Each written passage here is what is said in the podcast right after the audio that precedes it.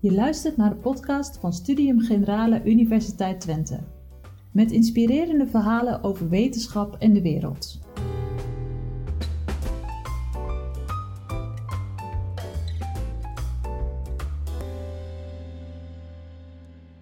Welkom bij een Studium Generale over muziek en emoties. Dat muziek emotioneert, dat weten we allemaal. Je kunt er geïrriteerd door raken, boos, verdrietig, blij, vrolijk. Het kan je rust geven. Uh, dus dat is niet een, een uh, gekke opmerking. Maar het bijzondere is dat de spreker van vanavond, Peter Bogaert, ons gaat vertellen hoe componisten technieken hebben ingezet om die emoties bij de toehoorders te bewerkstelligen. Peter Bogaert gaat ons vertellen aan de hand van allerlei muziekfragmentjes, een stuk of twintig of dertig, hoe componisten vanaf de middeleeuwen tot heel recent dat hebben gedaan. Peter Bogaert, ik kan een heel lang verhaal vertellen over wat hij allemaal doet. Hij is violist, dirigent, componist, hij is concertmeester, hij is strijkerscoach. We hadden in ons boekje eerst staan strijkcoach, maar hij attendeerde ons erop dat dat natuurlijk iets totaal anders is. Uh, hij is strijkerscoach. Hij uh, treedt op en werkt in Nederland, maar ook in allerlei andere landen. Hij is ook net terug uit Frankrijk bijvoorbeeld. En hij is bij de UT, is hij een muzikaal leider. Hij is dirigent bij MSO en bij INSPE. Dus hij werkt ook echt met uh, jonge mensen en is ook bezig, vertelde hij mij zo net, om een uh, muziekfestival op te zetten voor jonge mensen in de grensregio Duitsland-Nederland. Nu geef ik eerst het woord aan Peter Bogaert. Graag een hartelijk applaus voor Peter. Dank je, Heeska. Goedenavond, dames en heren. Heel blij hier te mogen zijn om u iets te vertellen over muziek en emotie. Nu, um, ik ben heel blij op een universiteit hier te rond, rond te lopen, maar ik ben geen neuroloog. Ik kan jullie dus niet vertellen wat jullie bij muziek voelen. Ik kan alleen inderdaad proberen, uh, vanuit mijn achtergrond als muzikus, um, u iets te vertellen over hoe dat inderdaad daar bewust mee is omgegaan en hoe componisten en ook, ook uh, de omgeving ertoe heeft bijgedragen dat u iets voelt bij muziek. De klank van emoties in muziek. Het gaat natuurlijk altijd over klankmuziek. De emoties die erdoor veroorzaakt worden, die zorgen dat we het als muziek ervaren. Dus de, de benadering vanuit de praktijk wil zeggen dat het dus uh, als uitvoerder en als componist belangrijk is u als uh, luisteraar te bereiken. Daar zijn natuurlijk verschillende invalshoeken voor. Er zijn natuurlijk door de geschiedenis heen verschillende dingen gebeurd die bepaalde reacties hebben veroorzaakt bij mensen waardoor bepaalde muziek is geschreven of waardoor bepaalde stijlen zijn ontwikkeld. Dus daar wil ik het ook een beetje over hebben. Die overgangen, voornamelijk ook die stilistische overgangen tussen waarom schrijft één componist zo, een andere zus, die zijn natuurlijk ook nooit zo zwart-wit geweest. Soms is een bepaalde stijl nog jaren of decennia blijven doorsluimeren. Heeft misschien zelfs nog een ander hoogtepunt leren kennen, terwijl een andere stijl of een andere componist met een heel eigen profiel al een heel ander uh, uh, iets aan het doen was. Dus het is een, altijd een heel erg genuanceerd verhaal. Ik kan ook niet bogen op volledigheid, want daarvoor volstaat een uur gewoon niet. Uh, ik ga dus op een redelijk sketchachtige manier door de muziekgeschiedenis om een aantal cruciale punten te proberen aan te stippen die daar iets van verduidelijken. Het laatste van dit punt is, kennis is emotie. Dat vind ik een belangrijke zin voor deze avond, omdat natuurlijk, we voelen altijd wel iets, maar hoe meer je met die materie bezighoudt, en dat geldt met name voor de klassieke muziek, die soms wel best hermetisch kan werken, hoe meer je erin duikt, hoe meer je ook weet van de achtergrond, van componisten, van een bepaalde stijl, maar ook van bepaalde technieken, waar ik dus ook probeer iets van uh, uit te leggen, hoe meer dat ook raakt, is tenminste mijn ervaring. Ik hoop dat er genoeg in de zaal zitten die het met mij eens zullen zijn. Om te beginnen wil ik graag twee fragmenten laten horen van een laten we zeggen, een standaard werk uit de muziekgeschiedenis, een requiem, de dodenmis, die oorspronkelijk begonnen is als deel van de katholieke liturgie en over de jaren en eeuwen heen op verschillende manieren is ingezet. Dus um, de het eerste fragment stamt uit ongeveer 1000 en het tweede fragment uit diep in de 19e eeuw. Laten we eerst even luisteren.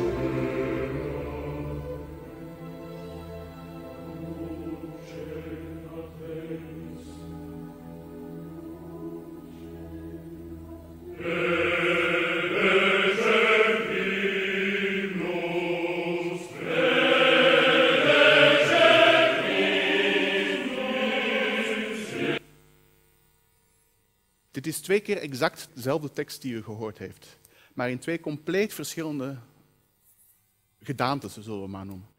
En dat is eigenlijk een beetje de tijdspanne waar ik het dit uur grondig wil over hebben, dus tussen 1000 en de late uh, eh, 19e eeuw, om het verschil ook uh, te laten horen in benadering van muziek, benadering ook van muziekbeleving en daardoor natuurlijk ook benadering van hoe dat de muziek geschreven werd.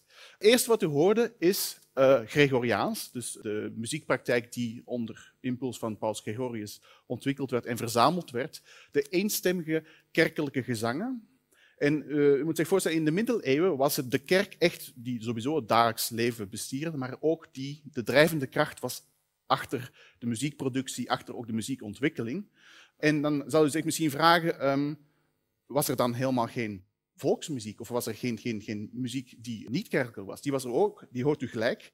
Maar als we nog even terug naar het tweede fragment gaat, daar hoor je dus een heel ander soort uh, beleving die veel individueler is, die veel meer over een persoon gaat, een persoonlijk lijden of een, een, een rouwproces, terwijl het eerst meer een soort algemeen kader is, een soort ritueel uh, karakter. Dus ik had het al over niet kerkelijke middeleeuwse muziek, die was er wel en daar gaan we ook gelijk even naar luisteren.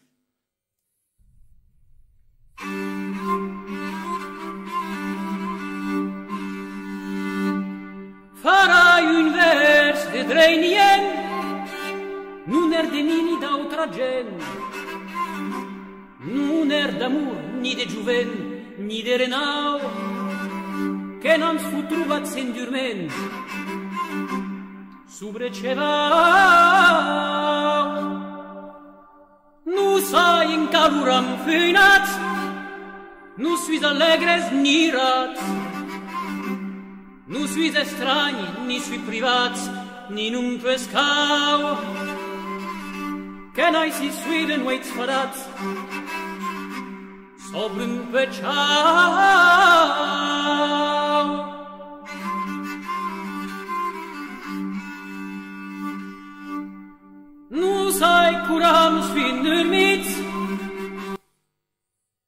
Als ik u nu had verteld dat dit Turkse muziek was uit 1950, dan ben ik er zeker van dat de helft mee had geloofd. Het, het is namelijk zo dat de, de, de techniek achter deze muziek, eenstemmigheid gebaseerd op toonladders, met een heel rudimentaire begeleiding, in dit geval een bourdon, dus één akkoord, en af en toe wat, wat, wat commentaar door, door de instrumentale begeleiding, dat is eigenlijk nog steeds in heel veel niet-westerse culturen een beetje de gangbare praktijk. En daar worden ook fantastische compositie mee gemaakt en, muziek mee gespeeld. Maar dat was eigenlijk tot in de middeleeuwen ook hier in het Westen een, eigenlijk een heel gangbare praktijk. Zowel in de kerk door de eenstemmige Gregoriaanse gezangen als in de volksmuziek door dit soort uh, liederen. Um, en uh, het verschil tussen het de westerse klassieke muziek en veel andere stijlen in de wereld, is dat op een gegeven moment is het, de westerse muziek begonnen met meerstemmigheid. Dan, uh, het is begonnen in de middeleeuwen al. De, de twee monniken in uh, Parijs, Leoninus en Perotinus, die zijn begonnen met het concept punctus contra punctum. Uit Latijn direct vertaald punt tegen punt. En daarmee bedoelt dat ze twee gelijkwaardige melodieën, Gregoriaans, tegelijkertijd lieten lopen waardoor dus contrapunt is ontstaan. En dat hebben ze dan door de eeuwen, in, uh, na, de renaissance toe, zo ongelooflijk uitgebouwd tot meerstemmige vijf, zes, soms wel tienstemmige motetten, uh, missen, uh, cantates, allerlei dingen. Helemaal uitgebouwd. En zo is eigenlijk de meerstemmigheid ontstaan, die in dat opzicht dus een typisch westers fenomeen is. Dat geeft natuurlijk een andere dimensie aan de muziek, die tot nu toe erg horizontaal was. Die geeft natuurlijk een, de, de, de, dimensie van harmonie, van akkoorden, van samenklanken, waarvoor dan natuurlijk ook allerlei regels ontstonden. Want de samenklank, je moet zich voorstellen, die werd, ook, die werd door God gedomineerd. Je had de reine uh, intervallen, de kwart, de kwint, de octaaf. Dan had je de iets minder reine, de terts en de sext. En dan had je de onreine intervallen, de secunde en de septiem als ik even naar de piano ga en ik sla een septien aan, op een bepaalde manier ook, kan het nog erger. Dan kan je wel het gezicht al even vertrekken. Dat klinkt niet zo mooi.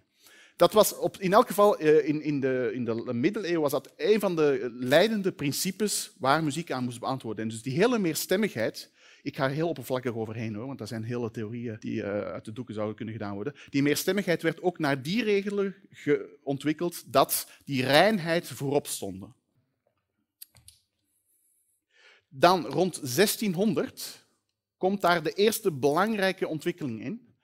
De meerstemmigheid, de, de polyfonie, zoals die ook wel uh, algemeen wordt genoemd, was tot een hoogtepunt gekomen, tot, ook tot een ongelooflijke complexiteit. En zoals dat wel vaker gebeurt in eh, het leven, als iets tot ongelooflijke complexiteit uitgroeit, dan komt op een gegeven moment een tegenbeweging. Dat zijn de mensen die zeggen, jongens, wij hebben hier geen zin meer in. Wij willen nou wat anders. En dat ontstond rond 1600. Dan had je componisten die heel bedreven waren in die polyfonie, in dat schrijven van dat soort motetten, van dat soort geestelijke en ondertussen ook meer en meer wereldlijke muziek die ook, waar ook wereldlijke motetten op, op wereldlijke teksten uh, werden geschreven, die op een gegeven moment op zoek waren naar iets anders, naar een directere expressie. Want uh, zoals u gelijk ook in het volgende fragment zal horen, die horizontale manier van schrijven, net zoals in het Geruaans, die blijft op een zekere manier indirect gericht op de perfectie van de compositie. En de tekst is tot op zekere hoogte vaak ondergeschikt aan dat gekunstelde van dat schrijven.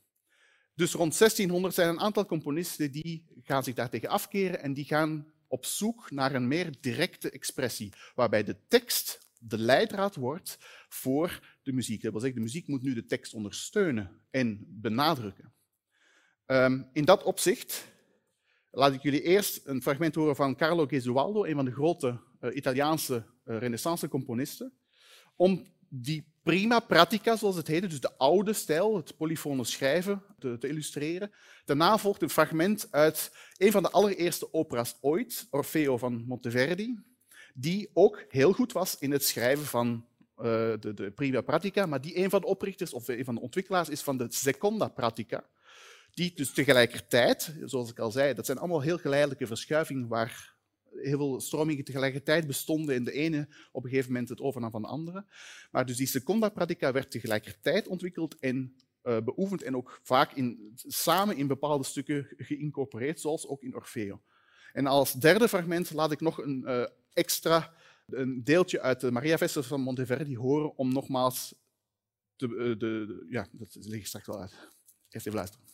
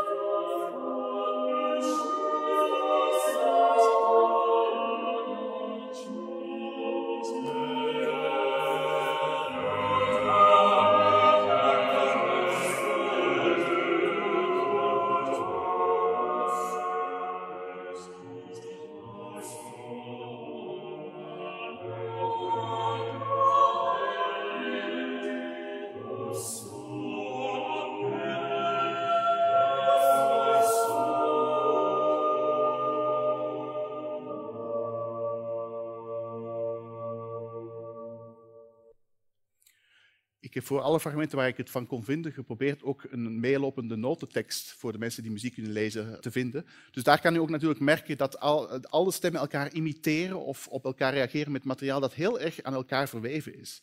En dat is dus wat, wat, wat toen de, de echte kunst was. Dan krijgen we het volgende fragment uit Orfeo.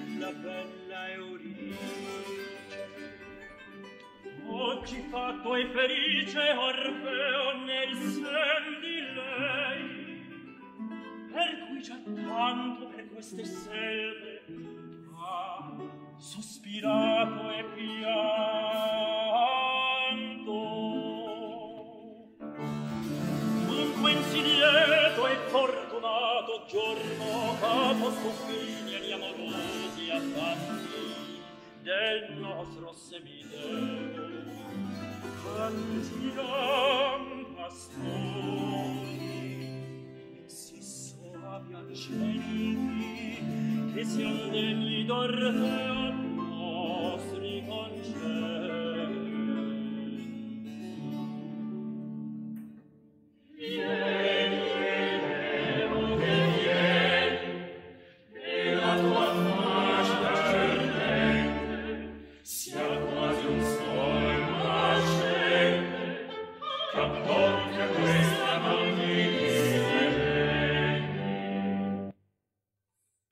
is niet moeilijk te merken dat met name het middendeel wat u hoorde, dus de zanger die zijn tekst zingt en daardoor, daaronder komt dan dus eigenlijk een, eigenlijk een basfiguur of een basso continuo, zoals het later is gaan heten, die hem daarin ondersteunt, maar niet andersom. Terwijl het eerste gedeelte, het instrumentale gedeelte en dan ook het koor, is dan weer in de oudere stijl, waarbij er veel meer gelijkwaardige stemmen door elkaar heen lopen. Nu, ik heb nog één fragment, ook van Monteverdi. En dat is omdat ik het zo'n schoolvoorbeeld vind van hoe dat die nieuwe praktijk de oude praktijk beïnvloedt. Door het feit dat er plots een echte basfunctie komt. En niet zozeer een lage stem die net zo gelijkwaardig is als de bovenste stem, maar een basfunctie die het hele een, fundament geeft, een harmonisch fundament, waardoor plots een heel erg spanningsveld ontstaat tussen de stemmen die daarboven liggen, wat uiteindelijk de tonaliteit is gaan heten. Música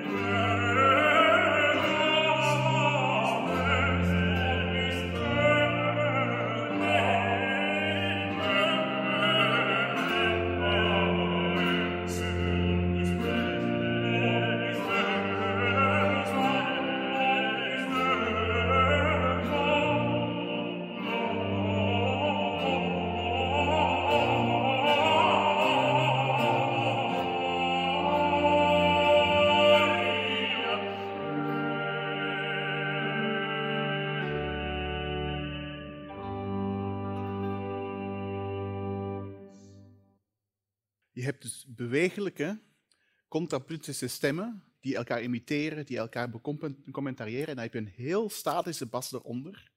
Die, en met name in het begin is daar zo'n fantastisch mooi uh, moment, wat ik uh, in elk geval vind, waarbij je een ongelooflijk harmonische spanning krijgt tussen wat er in de bas staat en wat daar boven tegenaan ligt.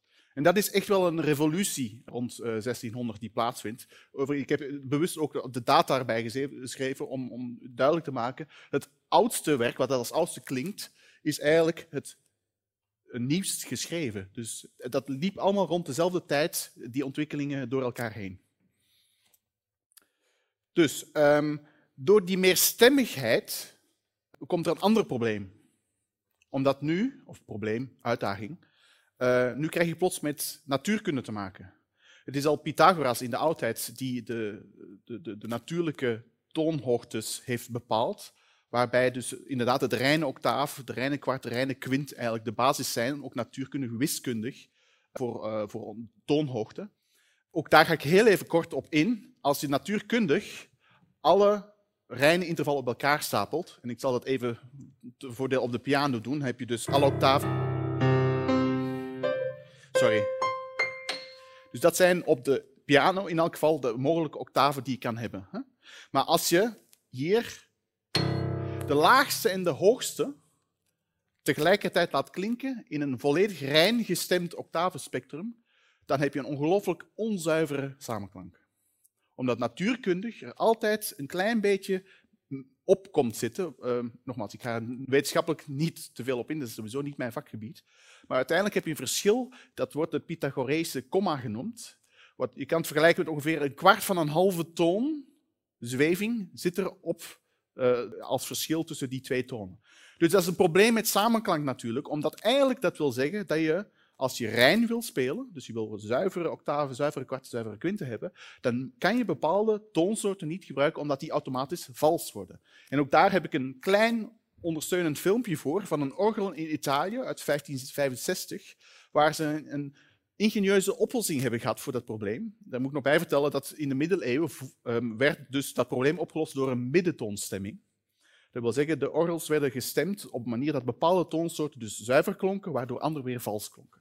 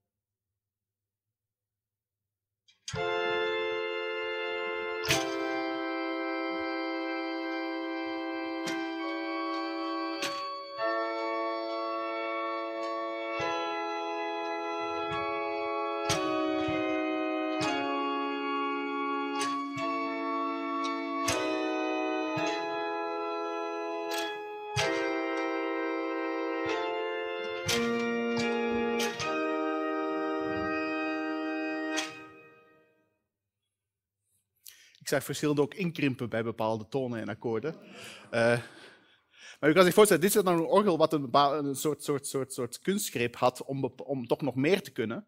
Maar de meeste orgels hadden dat natuurlijk niet, waardoor inderdaad heel snel je tot een bepaalde uh, greep had die, die dan gewoon een valse toon opleverde. Desondanks, ik, ik noemde het eerst een probleem en dan heb ik me verbeterd als uitdaging, want dat heeft er ook wel toe geleid, samen met de hernieuwde interesse in de oudheid, waardoor ook iets als de, de, de affecten leren um, weer naar boven kwam. Affectenleren is uit de klassieke oudheid de, de leer of de, de, instructies over de, de gevoelens, hoe de gevoelens moeten geuit worden. En uh, die toonsoorten die waren een uitstekende manier om die affecten leren een soort technisch hulpgreep te, nemen, te geven. Dat wil zeggen, elke toonsoort die kreeg een bepaald karakter. Door de, stemming, uh, mineurtoonsoorten waren dan eerder droevig en bepaalde majeurtoonsoorten die waren dan heroïs of, of die waren heel erg open, de zon die opkomt. Daar werden allerlei karakters aan toegeschreven. Dus dat was een van die voordelen van dat, er, dat die stemming daar ook bepaalde wegen opende. En die affecten leren, eh, ja, dat is ook weer een breder verhaal, want dat kader in het feit dat de, men teruggreep in die tijd natuurlijk op de klassieke oudheid, waardoor ook de retorica uit de oudheid een, een erg leidend principe werd voor het maken van kunstwerk in het algemeen, maar ook muzikaal. Stukken werden opgezet als een, een redenvoering of uh, die werden met een, een, een inleiding voorzien. Um, uh, maar ook die moesten aan bepaalde principes en inderdaad die affecten leren uh, gehoorzamen. Wat dat ook betekende dat als je een deel schreef met een bepaald affect, droevig, heroïs, dat daar dan ook niet van afgeweken mocht worden. En dat dan ook die toonsoort daarbij hoorde. Dus er werden allerlei technieken ontwikkeld waar een componist aan moest voldoen om een goed stuk te schrijven. Dat kwam toen een beetje op. En uh, wat bijvoorbeeld een techniek is, die, uh, een paar technieken die vrij vaak voorkwamen, is het vallend tetragord, wat we ook in het volgende uh, fragment gaan horen. En dat bedoel ik eigenlijk gewoon mee.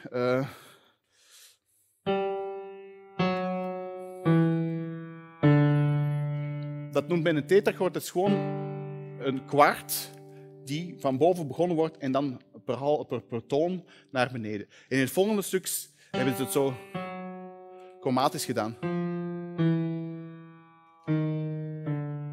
Dan breien ze nog een einde aan. En dat is bijvoorbeeld een van die, van die fragmenten die dan automatisch ook werden gezien als, oh ja, dit betekent dit, of dit, dit hoort bij dit affect. Een ander iets is de Seufzer, uh, wat Duits is voor een zucht. Uh, wat ook heel vaak harmonisch wordt vertaald in het feit dat je een harmonie op een bepaalde manier oplost. Dus als je gewoon, uh, ik blijf in G klein. Dus dit wordt gezien als ontspanning, dit wordt als spanning gezien. En dit is dan weer de ontspanning. En dan die zuifzer, dan werd er iets aan toegevoegd.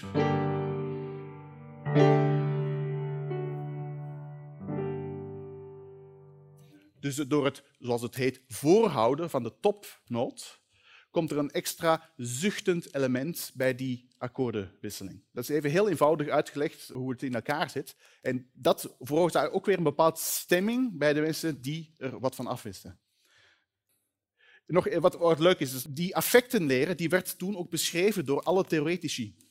Er waren allerlei eh, muziekwetenschappers die allerlei traktaten opstelden. Die hadden allemaal hun eigen verklaring van wat een bepaalde toonsoort uh, betekent. Dus ik heb voor G klein even opgezocht. Daar heb je voor een Charpentier die zegt sérieux et magnifique.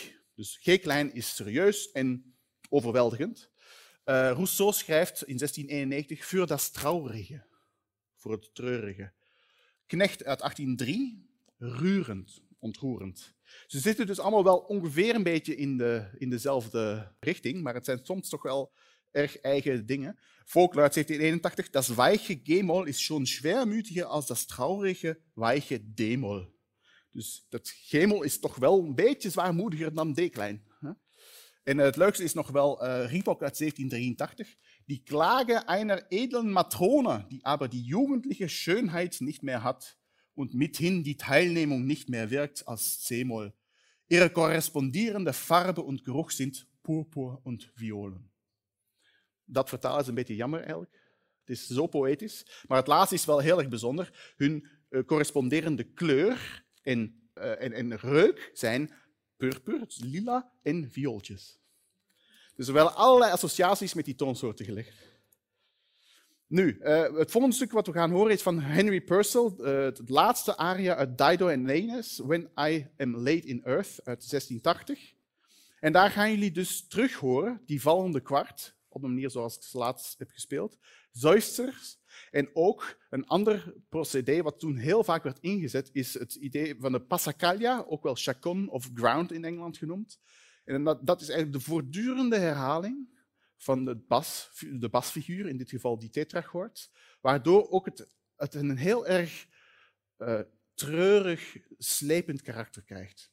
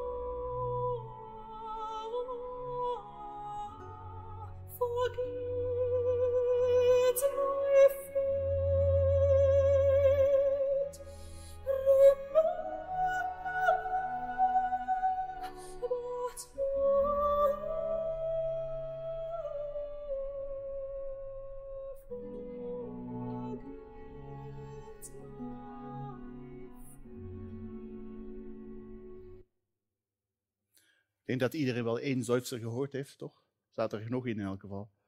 Ja, dus dat, dat slepende wat er dan uiteindelijk uh, veel van de, de invloed uitmaakt. Dus zoals ik al zei, de renaissance en de barok die zijn voortgekomen uit een hernieuwde interesse voor de klassieke uithoud. En dat mondt natuurlijk uit in de verlichting, zoals ik al zei, waar de reden eigenlijk het bepalende is. Maar zoals ook al eerder gebeurde, op een gegeven moment raakt zo'n stijl zo verzadigd dat automatisch nieuw talent op zoek gaat naar iets wat er, wat er uitbreekt uit dat keurslijf.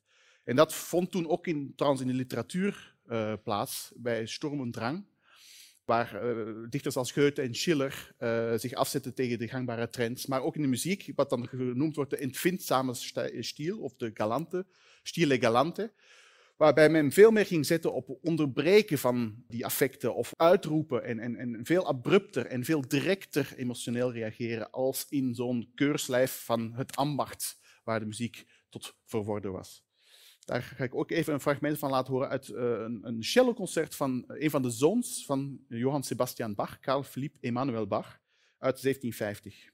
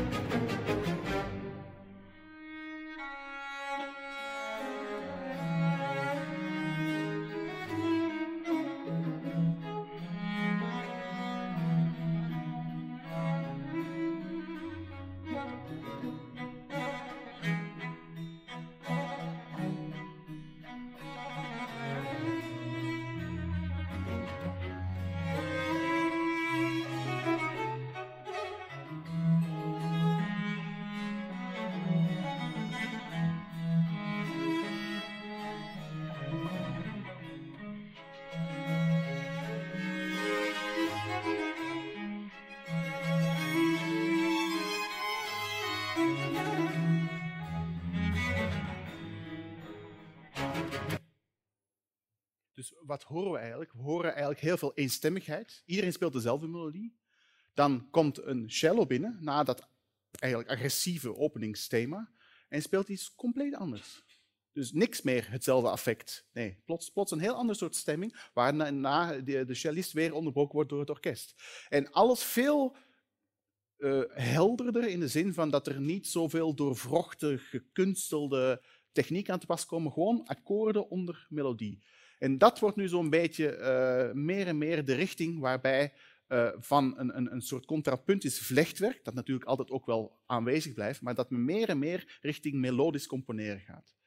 U merkt het waarschijnlijk ook wel dat we steeds van steeds abstractere muziek, of steeds misschien afstandelijker voor sommigen, uh, naar een steeds individuelere benadering van de componisten de muziek tegenover daarheen gaan.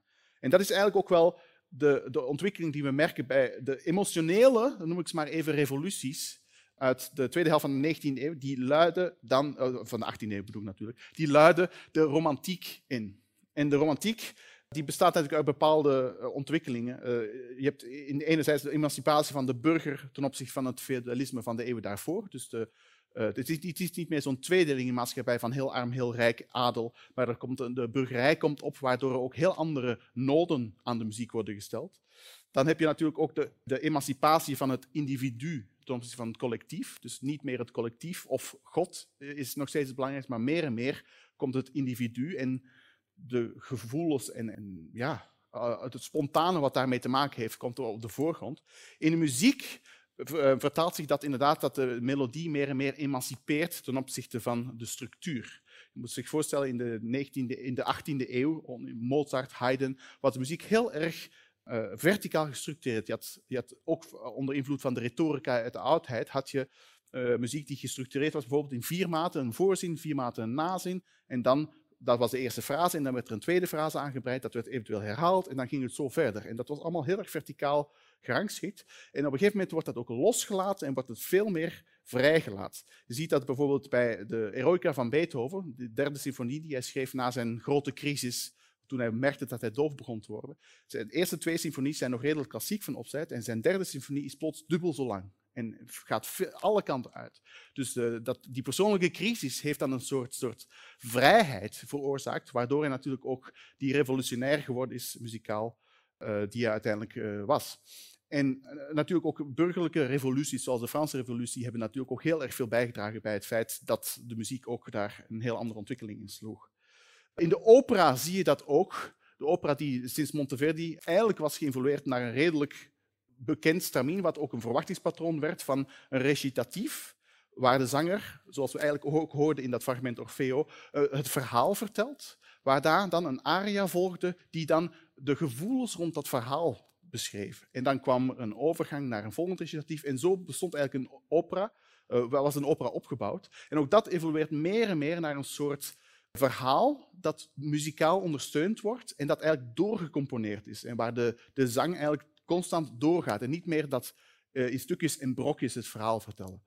Dat gaat zelfs zo ver dat je uiteindelijk bij Wagner terechtkomt bij een componist die uh, een specifiek motief per situatie en per karakter gaat ontwikkelen. Dus dat telkens als een bepaald karakter terugkomt of een bepaalde situatie zich weer gealludeerd wordt of, of zich voordoet, dan uh, verwerkt hij dat motief mee in het muzikale materiaal, waardoor de mensen worden herinnerd aan dat personage. En dat heeft heel grote gevolgen gehad tot de dag van vandaag, met name ook in stijlen als filmmuziek, waarbij natuurlijk heel erg van dat principe is uitgegaan om een film ook dramatisch van, van karakter te voorzien. Ik geef één voorbeeld. Dat kan ik jammer genoeg niet als videofragment doen, want dan word ik aangeklaagd door grote Amerikaanse filmstudio's.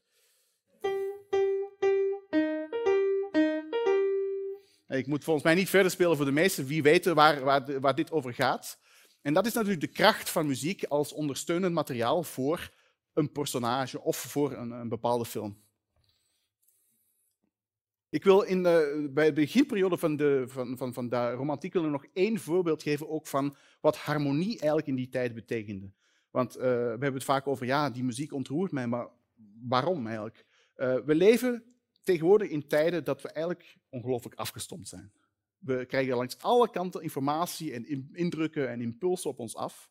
Maar als je je voorstelt, twee eeuwen geleden, en zeker nog langer, was dat helemaal niet zo. Je had geen cd's, je had geen computers, je had geen YouTube, TikTok, uh, je had helemaal niks. Je kon af en toe misschien een keer naar een concert en dat was het. Dus de, de gevoeligheid voor wat er daar gepresenteerd was, was heel erg veel groter. Er zijn zelfs getuigenissen van revolutionaire concerten waar de dames in een iets te strakke hoe, heet dat nou weer? Een uh, corset, ja precies, dank je. Uh, zaten waardoor de ademnood al hoog was en als er dan iets op hun is gebeurd, dan viel ze prompt flauw. In, in die trant moet je je voorstellen dat de volgende symfonieën uh, hun première beleefden. Ik speel eerst een symfonie, een redelijk late symfonie van Joseph Haydn uit 1787. De symfonieën hadden toen een heel welbekend principe. Dit heeft Haydn eigenlijk voor een groot deel ontwikkeld, van een, een vierdelig principe waarbij de toonsoort waar de symfonie in stond, die wordt gepresenteerd.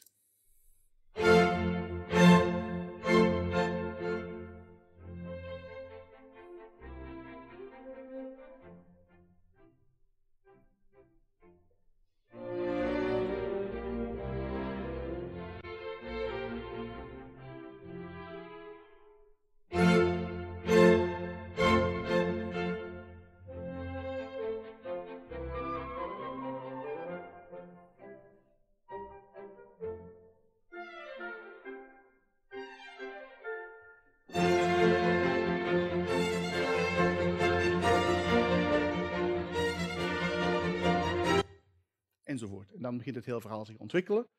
En dan rond dezelfde tijd, dus nou, een twaalftal eh, jaar later, komt de jonge Beethoven met zijn eerste symfonie. Hij had trouwens ook bij Haydn gestudeerd, kort daarvoor. En hij schrijft dit.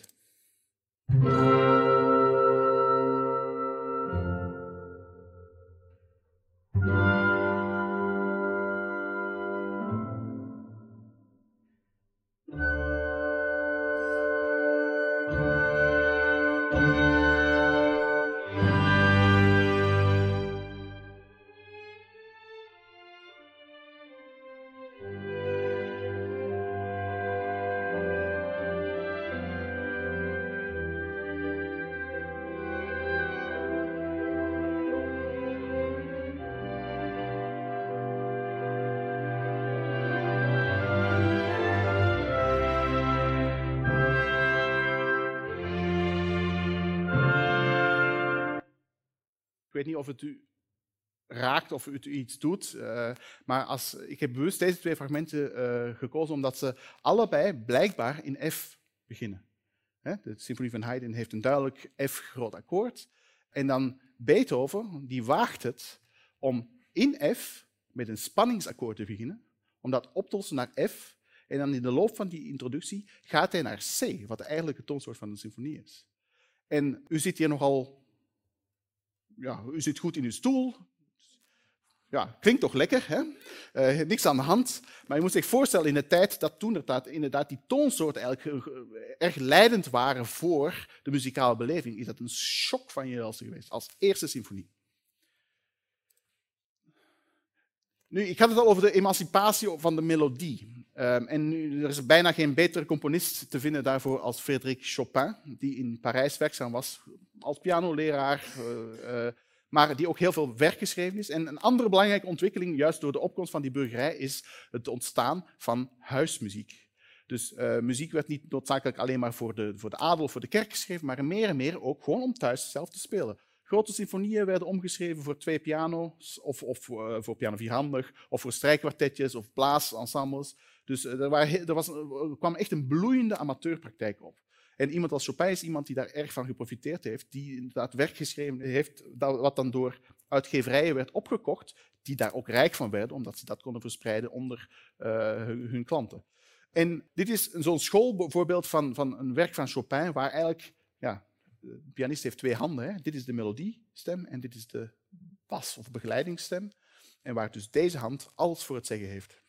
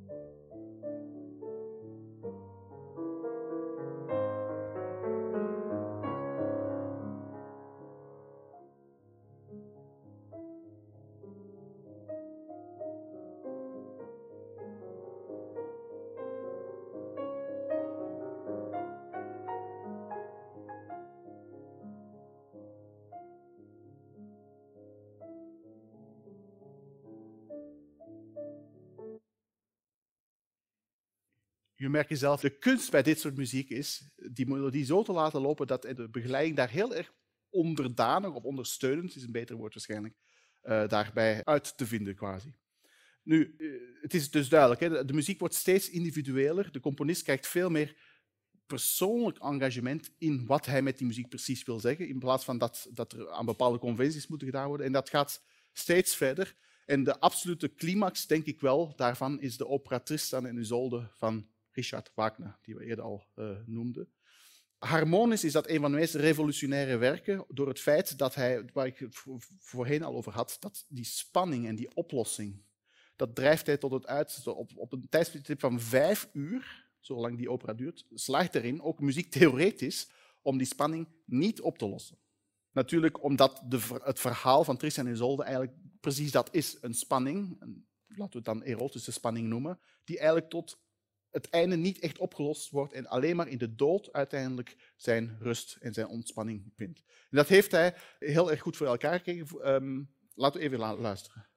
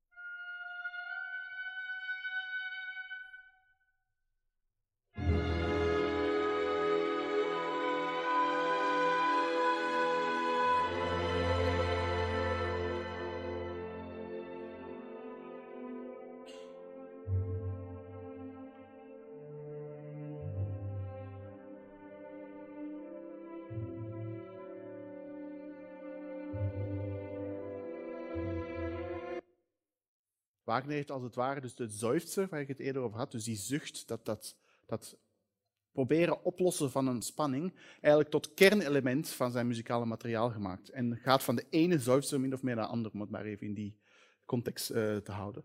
Hij was samen met Liszt een van de oprichters van de, wat de Neue-Deutsche Schule is gaan heten. En het was een, een, strekking in de muziek die afwouw van de traditionele structuren, de symfonieën van, van, van Beethoven en vroeger. En die naar een heel nieuw soort muziekbeleving wou. Een gezamtkunstwerk noemde hij het ook.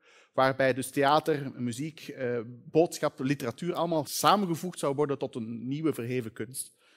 En dat is ook een beetje wat mijn volgende punt uh, moet zijn. Meer en meer ontstaan er verschillende strekkingen die parallel gaan lopen in eh, de tweede helft van de 19e eeuw. Je hebt enerzijds dus Wagner uh, en, en Liszt, maar je hebt ook met mensen als Brahms en Dvorak de mensen die de traditie van Beethoven, van Mozart, van Haydn op een nieuwere manier doorzetten. Dus wel complexer, met nieuw harmonisch materiaal, maar wel vanuit die traditie uitgaand. Dat waren vaak ook echt wel tegenpolen die elkaar ook in de pers best wel aanvielen of lieten aanvielen. Uh, dus je krijgt meer en meer parallele stromingen. Daar komt dan bij dat eind van de 19e eeuw ook veel meer, ook door de industriële revolutie, dat er uh, ook weer antibeweging tegen de romantiek komt met bijvoorbeeld het realisme, het naturalisme, uh, exotisme komt erbij. Mensen komen in contact met niet-westerse culturen. Dus er komt plots een heel hoop invloeden. Dus op een gegeven moment komen dus nu aan de 20e eeuw. En daar komen dan verschillende breekpunten min of meer tegelijkertijd. Je hebt, aan de ene kant heb je de Tweede Weense school, zoals ze zijn gaan heten. Dat zijn, de Eerste Weense school waren Haydn, Mozart en Beethoven. En de Tweede Weense school, daarmee worden de componisten Arnold Schoenberg, Alban Berg en Anton Webern mee bedoeld. En dat was een groep componisten die uh, op een gegeven moment vond dat dat wat Wagner net had gepresteerd wel het absolute hoogtepunt is. Daar kunnen we eigenlijk niet meer mee door. Er is een eindpunt bereikt. En wel door het feit dat uh, Wagner de harmonie zo complex gemaakt heeft, en later Richard Strauss trouwens uh, nog verder, dat er uiteindelijk die spanning eigenlijk wegvalt, omdat er alleen nog maar spanning is. Dus die spanning heft zichzelf daarmee op. Dus wat hebben die componisten gedaan? Die hebben uiteindelijk de tonaliteit, dus de relationele verbinding tussen toonhoogtes, die spanning en ontspanning veroorzaakt, opgeheven. En zijn met democratische twaalf tonen die in het octaaf zitten gaan componeren. Nu, een andere ontwikkeling in de 20e eeuw is eerst een andere uh, zaak, is door het, al die nieuwe invloeden die komen, ook de esthetica vanuit, van, van het, de romantiek, dus het, uh, het verschil dat er was eigenlijk tussen wat mooi en lelijk werd gevonden, wat dus eigenlijk wel een, een beetje een dialectiek was, um, dat wordt ondertussen verbreed en er worden eigenlijk veel meer emoties aan toegevoegd die ook esthetisch andere gevolgen hebben. Dus er wordt veel meer ook gezocht naar bepaalde rauwe klanken, ook onder invloed van naturalisme. Daar zijn componisten als Bartok uh, met zijn Stile Barbare of Stravinsky met zijn balletten, Ballet Russe uit het begin van, ja, uh, van de 20e eeuw, goede voorbeelden van. Dus dat zijn een aantal revoluties die, die de zaak een beetje omvergooien. En dat uh, zorgt er dan uiteindelijk voor dat de 20e eeuw een heel complex gegeven wordt, waar ik ook geen tijd meer voor heb. Um, dus ik heb, ik, ik heb een kleine verzameling van een aantal indrukken uit de 20e eeuw voor u voorbereid, uh, omdat ik al wist dat dit veel te complex uh, zou worden als verhaal om in dat ene uur nog voor elkaar te krijgen. Maar ik wil toch even een paar indrukken laten, omdat er natuurlijk ook een paar maatschappelijke ontwikkelingen zijn gebeurd in de 20e eeuw die heel erg daartoe hebben bijgedragen. Niet in het minst de twee wereldoorlogen, die um, de navolgers van de Tweede Wereldschool, die dus de tonaliteit hadden losgelaten, nog meer daartoe hebben beweegd om de abstractie op te zoeken, dus het romantische ideaal te laten varen en op zoek te gaan naar een soort nieuwe um, objectiviteit in de muziek. En dat begint bij een componist als Anton Webern, dus de, de, een leerling van Schoenberg en van de Tweede Zweedse School, die het principe van de dodecafonie tot een, bijna een wetenschappelijk inzicht maakt.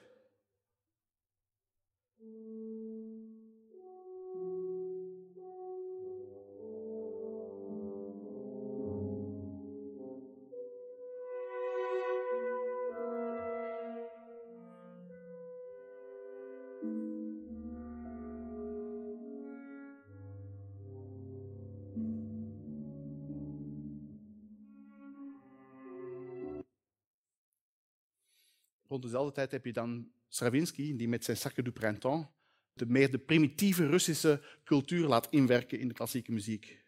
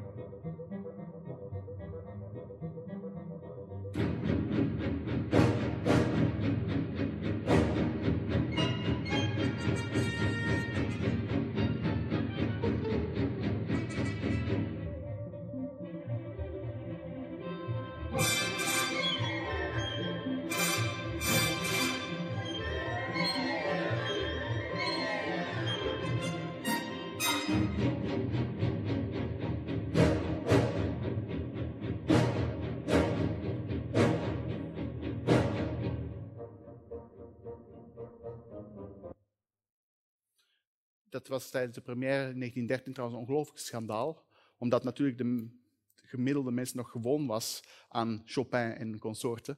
Uh, in dat opzicht is het wel een heel ander soort uh, muziek geworden. Dan uh, gaan we terug naar de volgelingen van Weber. Na de Tweede Wereldoorlog was dus er zo'n desillusie met de burgerlijke maatschappij ontstaan dat er componisten zijn geweest die niet alleen de twaalf tonen in een bepaalde abstracte um, rangschikking hebben gebruikt om te combineren, maar alle parameters, dus ook dynamieken, klankkwaliteiten, uh, eh, instrumentatie, die dit allemaal heel erg wiskundig zijn gaan benaderen. En Stockhausen, Karl-Heinz Stockhausen, is daar uh, toch wel een van de type voorbeelden van.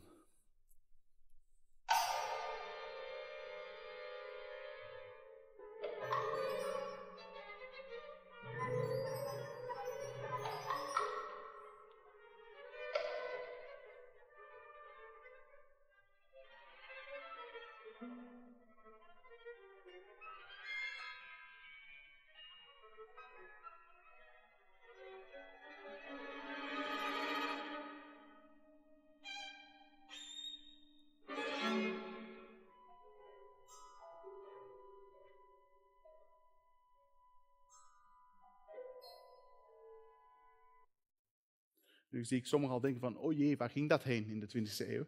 Maar nogmaals, zoals ik al zei, er zijn op dit moment echt wel parallele stromingen aan het werk. Dus niet iedereen ging die weg op. En bijvoorbeeld iemand als een Prokofjev, maar ook anderen, Roussel, uh, Milhaud, die zijn juist op zoek gegaan naar een, een herwaardering van het klassieke, dus Mozarts tijd, maar met moderne middelen aangevuld.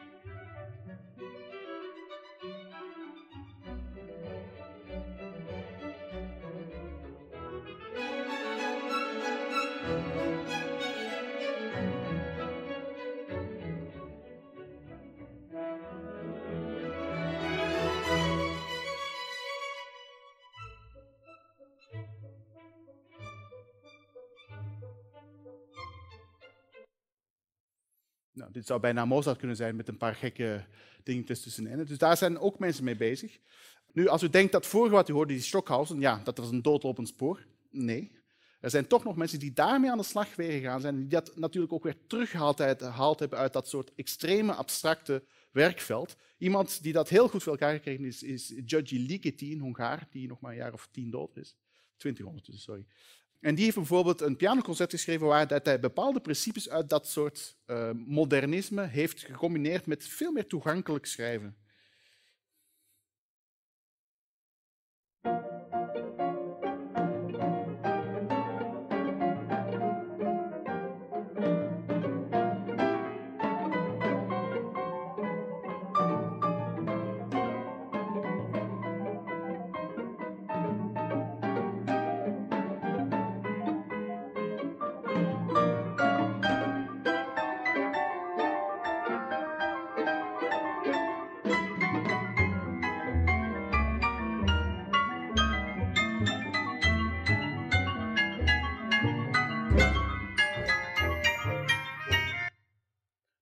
Jazz met een twist. Ook daar zijn ook weer heel veel kruisbestuivingen bij betrokken. En dan last but not least, voor de, voor de 20e eeuw even in de notendop. Dus ook hier zijn er weer tegenbewegingen die op een gegeven moment dachten van ja, maar aan dat hele gedoe met Stockhausen of consorten, daar doen we niet aan mee. En we gaan juist het extreme tegenovergestelde opzoeken. Dus met zo min mogelijk middelen het maximum uithalen. En een van die, dat werd, met name in Amerika was dat een heel grote stroming, of is dat nog steeds een heel grote stroming. Uh, en een van de grote namen daar is wel Steve Reich.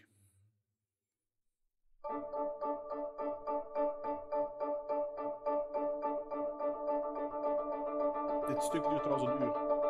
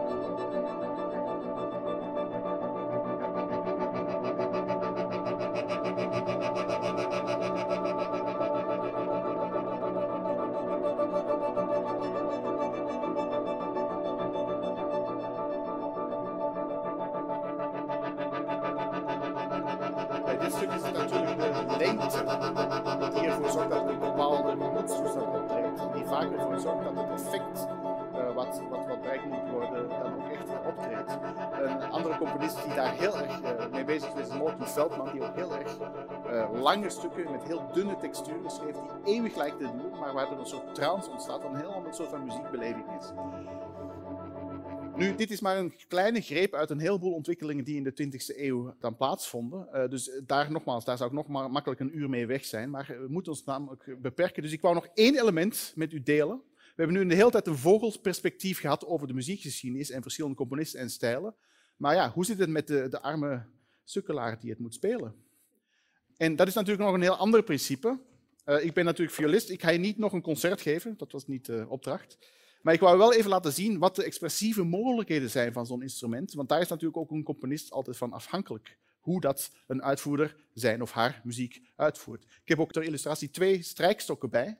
Ook omdat dit is een stok die in de barokke tijd werd gebruikt. Die een stuk korter is dan de andere. En ook enigszins anders uh, opgebouwd. Waardoor ook andere klankkwaliteit ontstaat. Ook samen met, met de, de, de snaren die erop zaten.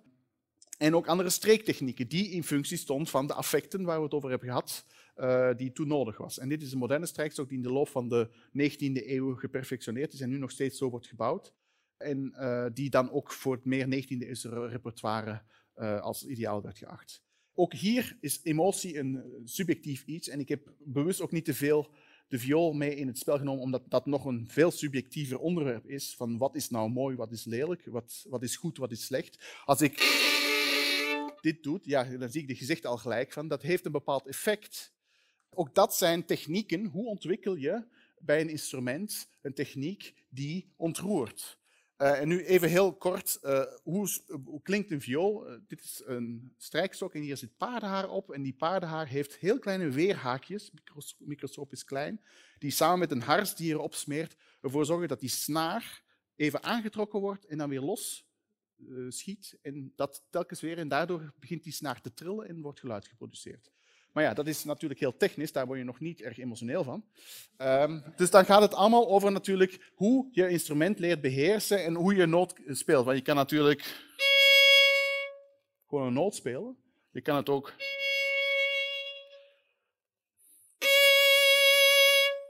Je kan het op verschillende manieren aanstrijken, waardoor een bepaald karakter, waardoor een bepaald ook ik noem het dan toch maar even retoriek ontstaat, waardoor je een verhaal kan vertellen. En zo'n verhaal vertellen is natuurlijk ook heel af, af, afhankelijk van je eigen achtergrond als speler, als uh, kunstenaar, waardoor je bepaalde um, reflex hebt als je ook met bepaald muzikaal materiaal geconfronteerd wordt. Als ik een stuk van Bach of van Mozart speel, dan werkt heel mijn wezen, heel mijn achtergrond daarin mee, hoe ik deze vingers en deze handen en dit lichaam beweeg. Objectiever kan ik met het instrument niet maken, maar ik kan nog wel even ter, ter illustratie en als laatste geluidsmateriaal even uh, twee verschillende versies van het begin van het concert in E van Bach laten horen. Op heel verschillende manieren gespeeld, zodat u even een indruk heeft van hoe verschillend muziek ook kan zijn, zelfs al is het precies hetzelfde notenmateriaal.